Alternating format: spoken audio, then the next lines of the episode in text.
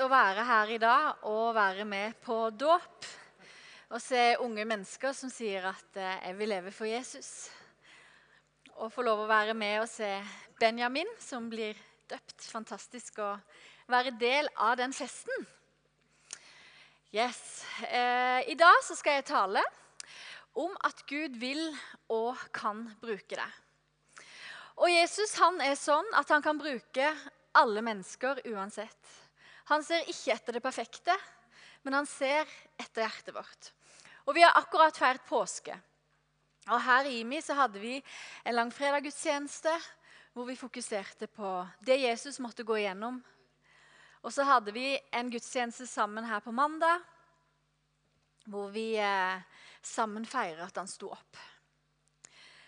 Og i påskens budskap så får vi lære å ta del i at Jesus elsker oss, han tilgir oss, og at han møter oss med en enormt stor nåde.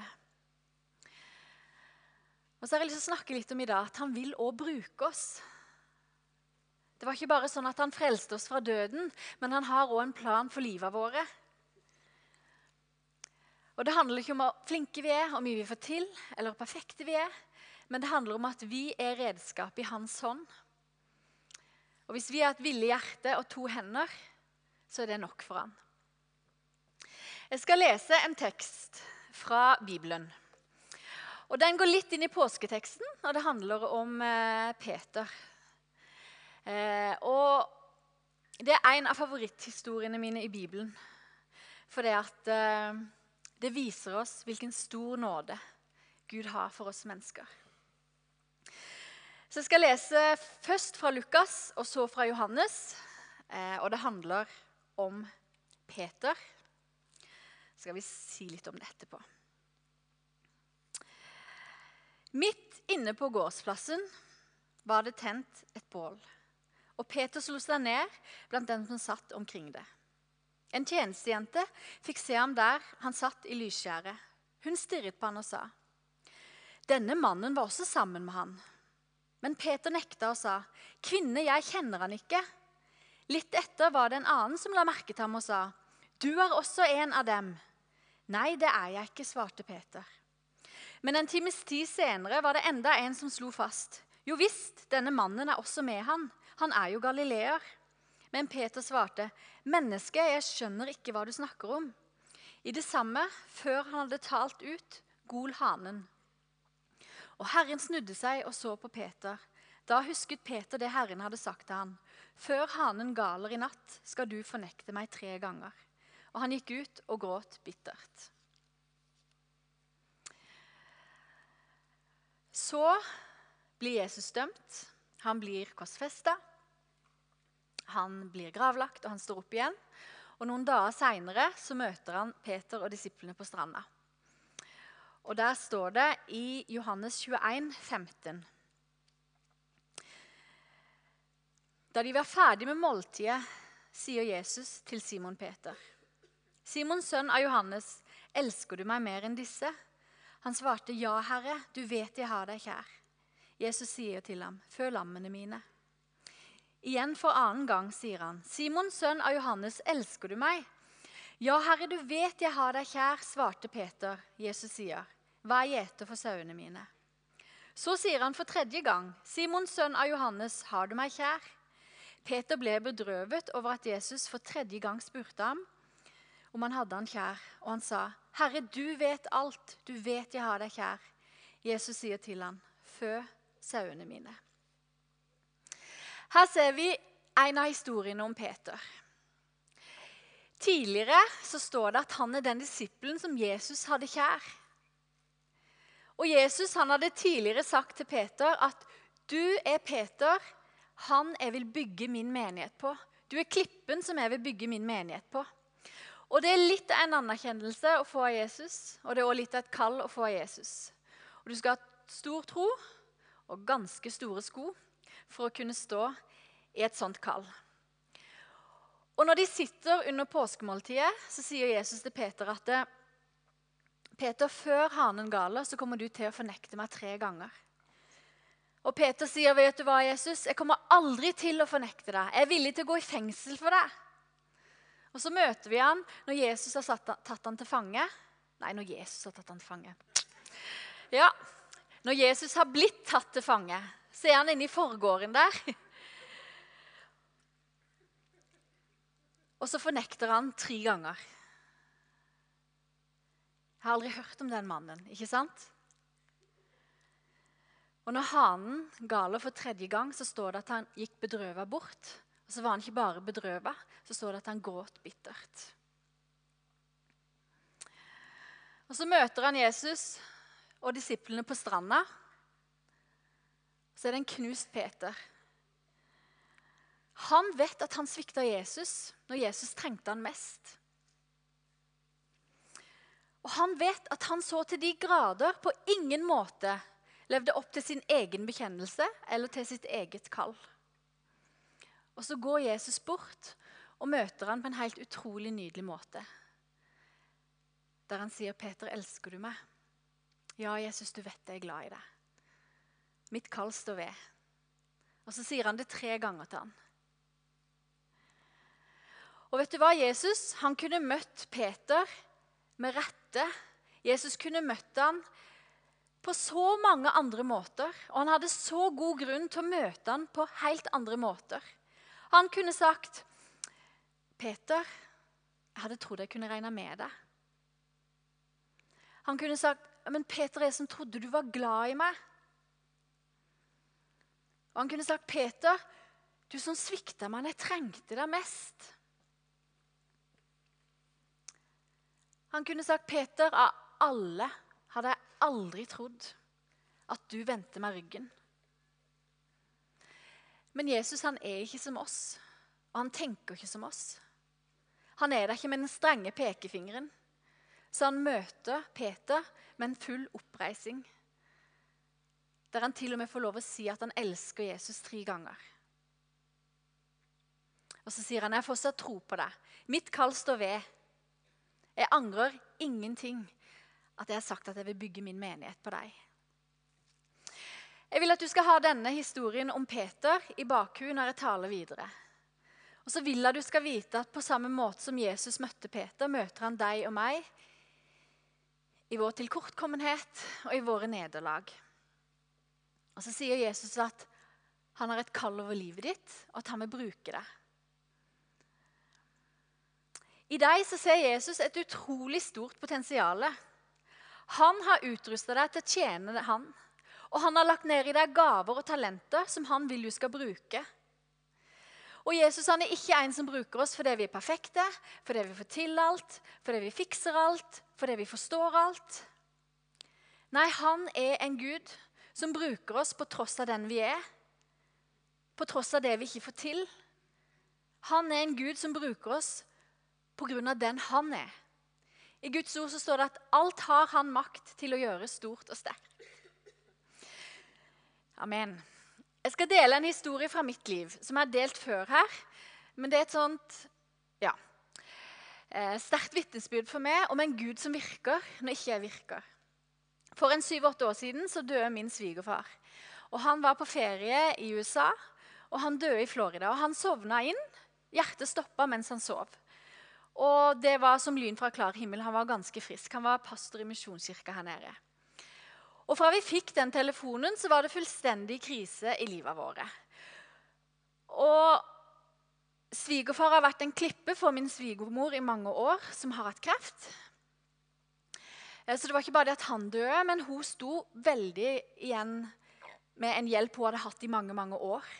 Så Øystein han må i full fart fly med sin bror til Florida og hente sin far hjem i kiste. Eh, og Det var fullstendig kaos i livet vårt. Det var en mann vi var utrolig glad i. Han var høvdingen i familien vår. Ungene var knust. Farfar var død, som de så seg opp til og elska overalt på jord. Og Flere av dere har opplevd en sånn sorg. Men det som skjedde med meg, var at det, det funka ikke oppi her, for det var så fullt av sorg. Ingenting funka. Jeg gikk i butikken og så meg rundt, og så tenkte jeg at eh, i dag kan jeg ikke lage middag, for her er det jo ingenting å lage middag av. Og i norske butikker er det en del mat, liksom. Eller jeg dro og kjøpte sko til ungene, for vi skulle i begravelse. Og så hadde jeg tatt og satt de ved kassa og skulle til å betale. Så tenkte jeg nei, det får jeg bare gjøre i morgen. Så gikk jeg hjem. Og så kom jeg hjem så hvorfor i hulse tok jeg ikke med meg de skoene? Jeg skrapte opp bilen. Skjønner Du altså det er bare, det er bare, du er så lamma av sorg og sjokk. Og Midt i det så ringer en nabo til meg og spør om jeg vil ut og løpe. Og det vil jeg stort sett. Så jeg ble med henne ut og løp. Og Idet vi runder hushjørnet, så spør hun Gry, hva gjør det med deg og din tro at din svigerfar bare dør sånn? Og Så sier hun noe som jeg synes var litt morsomt. Og han som er pastor og alt. Akkurat som ikke pastorer kan dø. Da hadde det blitt mange pastorer etter hvert hvis det var sånn det var. Men i hvert fall så får vi en samtale der hvor vedkommende egentlig ikke har noe forhold til tro, men hvor vi i løpet av en halvannen time får en samtale om at Jesus holder. Troa bærer. Han hjelper gjennom sorgen. Og Når jeg kommer inn og hjem, så tenker jeg hva i huleste skjedde der? Der du liksom får virkelig dype samtaler om hvem Jesus er. Og så går det bare opp for meg at det har med en Gud å gjøre som virker når ikke jeg virker. Der jeg har med en Gud å gjøre som er så ekstremt mye større enn mine omstendigheter.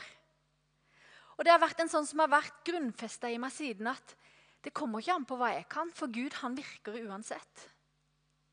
Og Sånn er det i livet våre. Vi har med en Gud å gjøre som vil bruke oss uansett. Han ser ikke etter livssituasjonen vår eller hvor godt vi funker, eller hva vi har fått til eller ikke har fått til, eller gjort eller ikke gjort. Men vi har med en Gud å gjøre som virker når vi ikke virker. Vi har med en Gud å gjøre som i vår svakhet er sterk. Og jeg tror at mange av oss, meg sjøl inkludert, trenger å reise oss og stå opp og si at vi er bra nok sånn som vi er. Vi trenger å forstå at Gud vil og kan bruke oss. Han ser ikke våre feil, men han ser og han ser ikke vår ufullkommenhet, men han ser et utrolig stort potensial. Han har skapt oss, og han har skrudd oss sammen. Og han vil og kan bruke oss. Og Av og til når vi leser Bibelen, så leser vi om alle de her fantastiske menneskene som har vært med på så utrolig store ting. Vi leser om kong David, vi leser om Daniel i løvehulen. Vi leser om eh, Peter som gikk på vannet. ikke sant? Vi leser om alle de her, Og så kaller vi de for trosheltene våre. ikke sant? Og så har jeg lyst til å lese en sånn greie som er printa ut fra Internett. Som sier noe om at de var heller ikke fullkomne. Og av og til når vi lurer på kan Gud bruke oss, så kan vi se disse som vi ser så opp til og leser om, hva de sleit med i livet sine. Der står det Noah drakk seg full. Abraham var for gammel. Isak var en dagdrømmer. Jakob var en løgner. Lea var slettest ikke pen nok. Josef var kidnappa og misbrukt. Moses stammet. Gideon var redd. Samson hadde langt hår og var altfor glad i damer. Rahab var prostituert. Jeremia og Timoteus var for unge. David var utro og en morder. Elia var ganske så suicidal. Jonah rømte fra Gud. Naomi var enke. Jobb gikk personlig konkurs. Døperen Johannes spiste faktisk gresshopper og insekter. Peter fornekta Jesus. Alle disiplene falt i søvn når de ba. Martha var bekymra for alt i hele verden. Den samaritanske kvinna var skilt mange ganger. Sakkeus var for lav. Paulus var for religiøs. Timoteus hadde faktisk magesår, og Lasarus var død. Alle disse menneskene ble brukt av Gud på utrolige måter. Og Da har ikke vi så mange unnskyldninger for ikke la oss bruke hvis vi sammenligner oss med trosheltene i Bibelen. Jeg skal si noe om vår identitet. Og Før det har jeg lyst til å fortelle en historie fra da jeg var liten. Jeg vet ikke hvor gammel jeg var, men jeg hadde ikke begynt på skolen. Og Det var første påskedag. Eh, og lå, Vi var på fjellet, og jeg husker jeg lå i en køyseng. Jeg husker det så godt. Så lå jeg sånn med dyna sånn. Og så ropte jeg på mine foreldre. 'Mamma, pappa, dere må komme inn her nå!' 'Kom, skynd dere!' Og jeg mente virkelig dere må skynde dere. liksom. Og de kom inn og liksom 'Ja, hva er det?' sånn. Så sa jeg, 'Se på meg!' Og de 'Ja.' 'Se på meg akkurat nå.' 'Ja.' Jeg har ikke rukket å tenke noe stygt, jeg har ikke rukket å gjort noe stygt. Jeg har ikke gjort noe stygt. Akkurat nå er jeg helt fri fra synd. Og Jeg hadde kalkulert med i at jeg kunne ikke gå ut i stua og si det til dem, for kanskje jeg gjorde et eller annet underveis. Så jeg måtte liksom bare ligge helt stille i senga. Og mine foreldre de ser på meg og bare Hæ? Jeg har ikke rukket å tenke noe stygt. Jeg er helt fri akkurat nå. Og så forteller mine foreldre Det første de forteller, var noen misforståelser hos Gryda. Det er jo, Jeg trodde jo Jesus måtte dø hver påske. Så jeg syns det var utrolig heldig for Jesus at han slapp å holde på med det hver påske. Og jeg hadde hørt noen voksne si at han var så redd at han blødde blod. Nei, svetta blod. Og, og, det tenkte jeg så mye på. Jeg er så glad at han skal slippe å gjøre det hver påske. Det hadde gått veldig inn på meg. Men det andre som ble utrolig stort for meg, det var at det var ikke sånn at jeg var tilgitt hver påske. Så hopa det seg opp i livet mitt. Og så, rett før påske, så var jeg så full av synd og skitt at det liksom var tungt å bære. Så kom første påske, da, der jeg var fri igjen. Men jeg forsto at det var én gang for alle. Og jeg var sikkert fem-seks år. Men den friheten jeg følte når jeg skjønte at jeg kan leve i en tilgivelse som gjelder hver dag, det var utrolig stort. Og jeg husker den følelsen av frihet og renhet. At guri land, dette er hver dag som jeg kan leve i. Vår identitet I Efeserne 3 så står det at vi er i Kristus. Vi er hellige, og vi er feilfrie. I Jesaja så står det at vi har frelsens kledning. Og når vi tar imot Jesus, så bekjenner vi med vår munn at Jesus er Herre. Det står ikke når du tar imot Jesus, så må du gjøre alt rett og du må fikse alt og du må få alt til. Nei, det står at vi bekjenner ved vår munn at Jesus er Herre. For det er det vi gjør. Og Bibelen den sier at vi har fått Guds rettferdighet. Det betyr at innenfor Gud så har vi samme rettferdighet som han sjøl. Og Hvis du deler opp det ordet, så er det rett, det er ferdig, og det er gjort. Vi er rettferdiggjort. Det er fullbrakt. Det er faktisk ingen her inne som er i noe bedre posisjon overfor Gud enn deg. Ingen i denne byen som er i en bedre posisjon overfor Gud enn deg. Og ingen i dette landet. Det er ingen mann, ingen dame, ingen leder, ingen sjef, ingen lærer, ingen pastor. Ingen er i en bedre posisjon overfor Gud enn deg. Er ikke det helt fantastisk? Du har en høy posisjon hos Gud, og samtidig så kaller han deg for sønn og datter. Det står at vi er arvinger av hans rike. Vi er hans sønner og døtre. Og ikke nok med alt det der. I tillegg så sier han at han liker oss ganske godt. Det er ikke sånn at han går rundt og river seg i håret og tenker å, i huleste jorden jeg skapte alle disse menneskene som holder på med alt det de gjør. Nei, Han ser på oss, og så liker han oss. Det står han fryder seg over oss. Og Vi har besøk av og til i denne menigheten av en fyr som heter Leif Hetland. Han snakker om det her med toppkarakter. Vi har alle fått toppkarakter hos Gud. Og Det betyr at vi ikke trenger å prestere. Og Når jeg står opp her og taler i dag, så trenger ikke jeg tenke på om det gir meg verdi, eller mot all, eh, all odds fratar meg mot verdi. Jeg trenger ikke tenke var jeg flink nå, eller var jeg ikke så flink. Min posisjon hos Gud er at jeg er datter. Og jeg starter denne talen med toppkarakter. Og det gir jo en utrolig frimodighet. For det er han som skal gjøre det gjennom meg. Og Det betyr ikke på noen som helst måte at jeg ikke har forberedt meg, eller at jeg ikke tenkte gjennom hva jeg skal si, eller at jeg ikke prøver å gjøre mitt beste. Men min posisjon er den samme uansett. Jeg er datter, jeg er elska. Og så gir han et løfte om at han skal gjøre det gjennom oss. I Salme 37, 37,5 så står det 'Legg din vei i Herrens hånd'. Stol på Han. Han skal gjøre det. Og Når det gjelder å leve ut det Gud har lagt ned i oss, så lover han at vi skal få lov å vandre i ferdiglagte gjerninger med livet våre. Han skal gå med. Og så er det jo sånn at du har Gry her, som gjør dumme valg. Ikke får det til, ikke fikser livet. Så har du liksom idealgry her, som bare skulle ønske hun levde sånn og sånn. Og sånn. Og da blir det et gap, ikke sant? Og i det gapet så er det ofte skam, det er ofte fordømmelse, nederlag, de tinga vi føler på. Men hvis vi i det gapet kan løfte blikket og se på Jesus og hva han gjorde på korset Hvis vi i det gapet kan løfte opp korset og se på det, så kan det skape en enorm glede og en enorm takknemlighet og en enorm frihet over det vi får lov å leve i og være i. Det blir en enorm frihet i livet ditt. Og om vi ikke forstår Guds nåde, da blir vi ofte passive.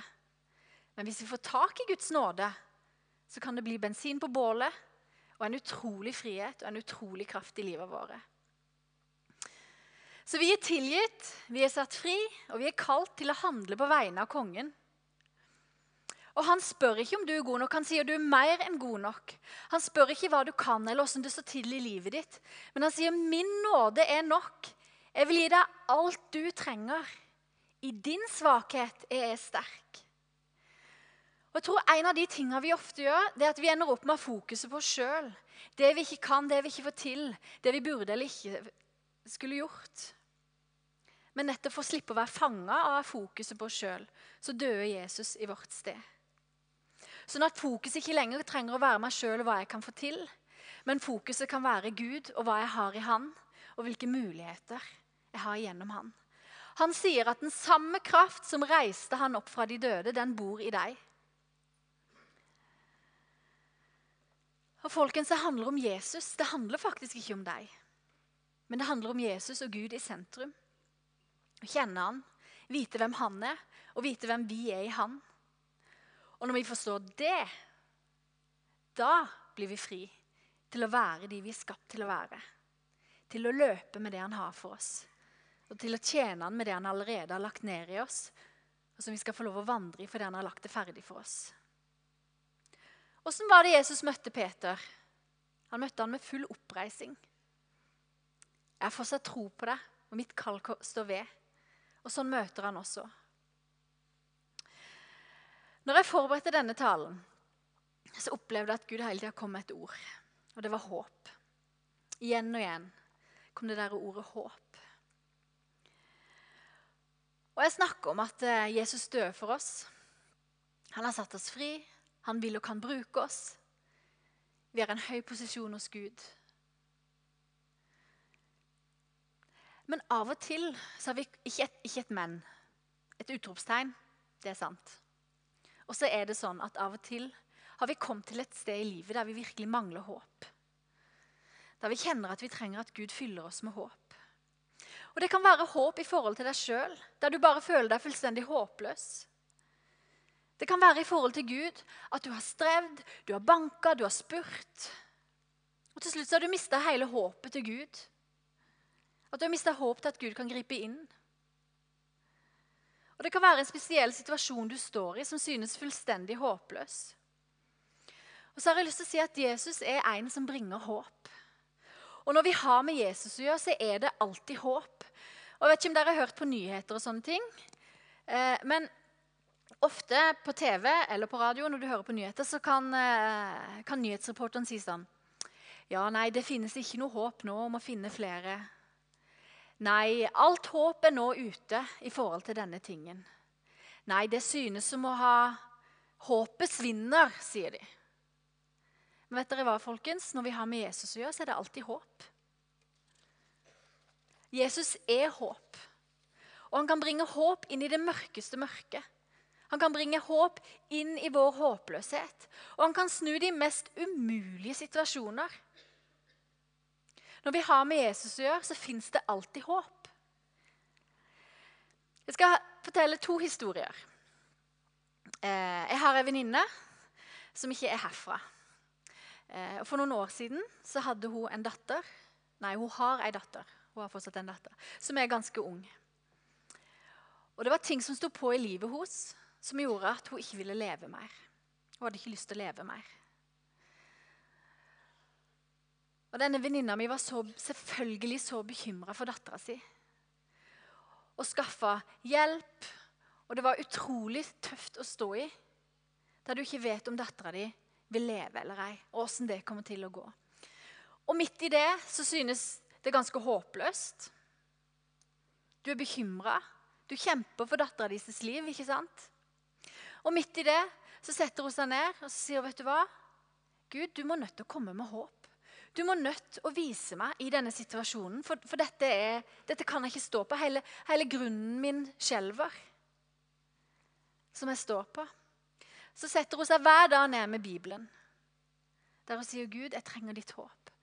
Der Gud gir henne bibelvers på bibelvers som bare skaper et håp inni henne. Der hun vet at jeg kan sette mitt, mitt håp til Jesus. Og dette kommer til å gå.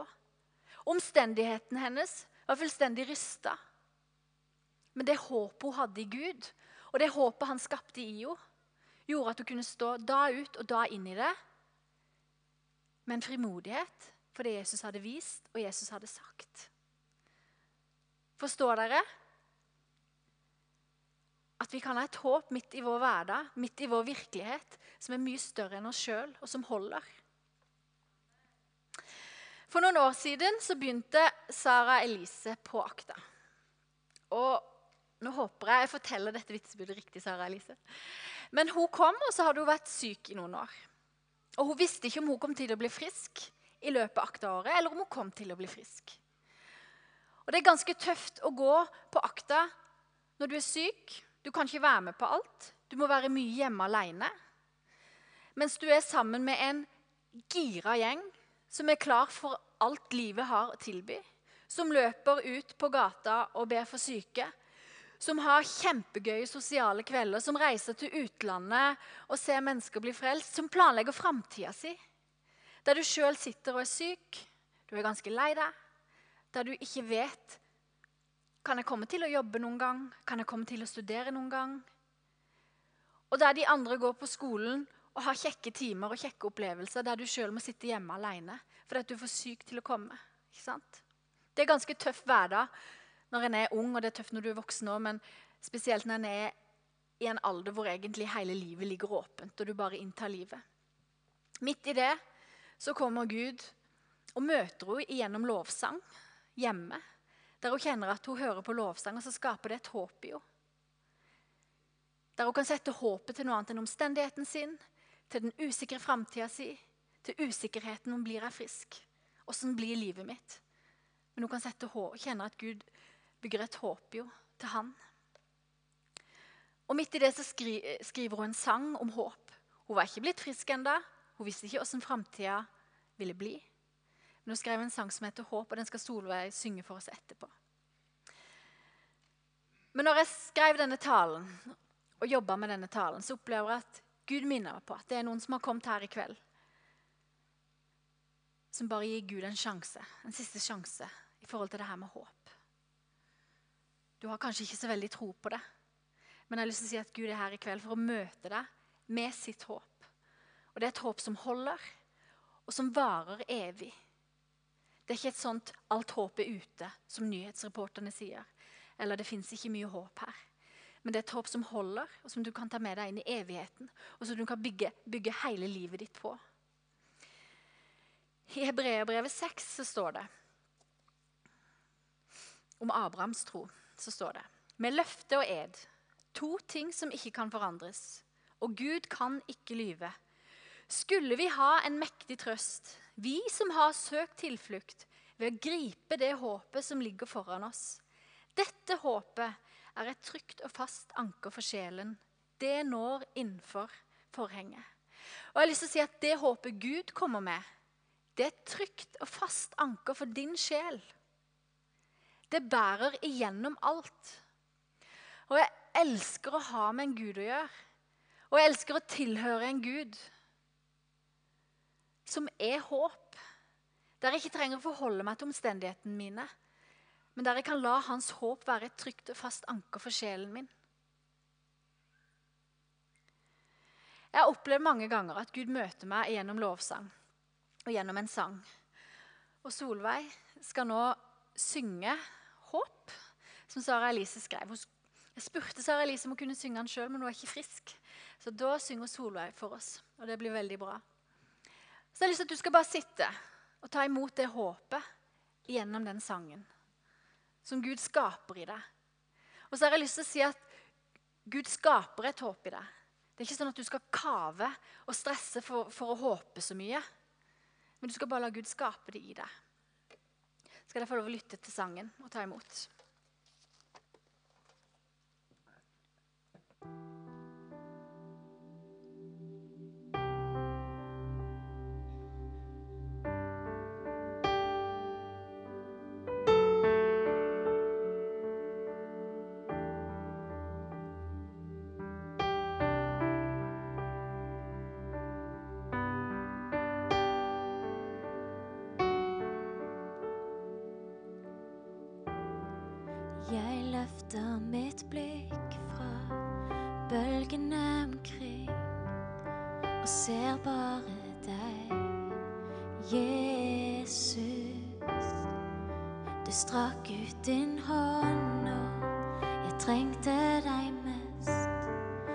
min svakhet er du større.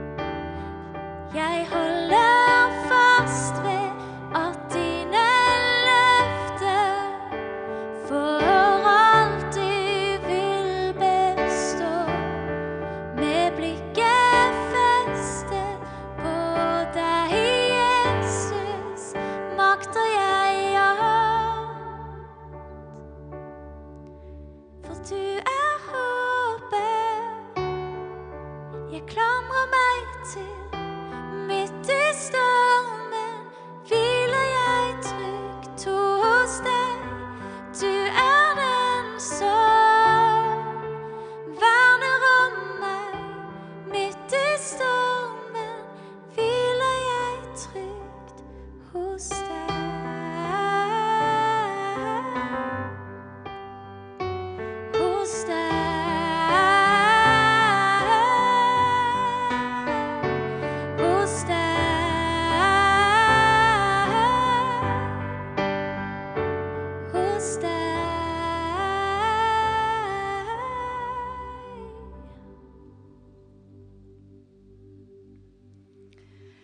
Jesus, jeg takker deg for at uh, du sier i ditt ord at den som setter sin lit, sitt håp til deg, skal aldri, aldri bli til skamme.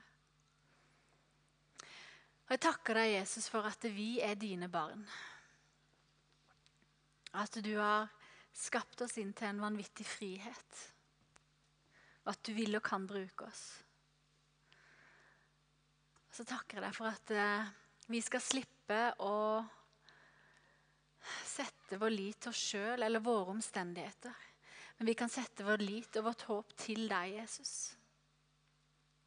Jeg takker deg for at med deg er det alltid håp. Og ber deg for hver enkelt her inne nå, Jesus, at du skal komme og møte dem i de situasjonene de står i med livet sine. Akkurat der de er med livet sitt. Så ber jeg deg om at du skal fylle dem med håp og en glede over å få lov å tilhøre deg.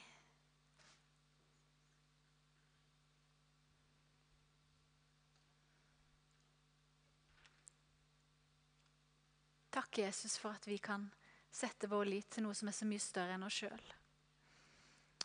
At vi kan bygge livet våre på deg. Amen.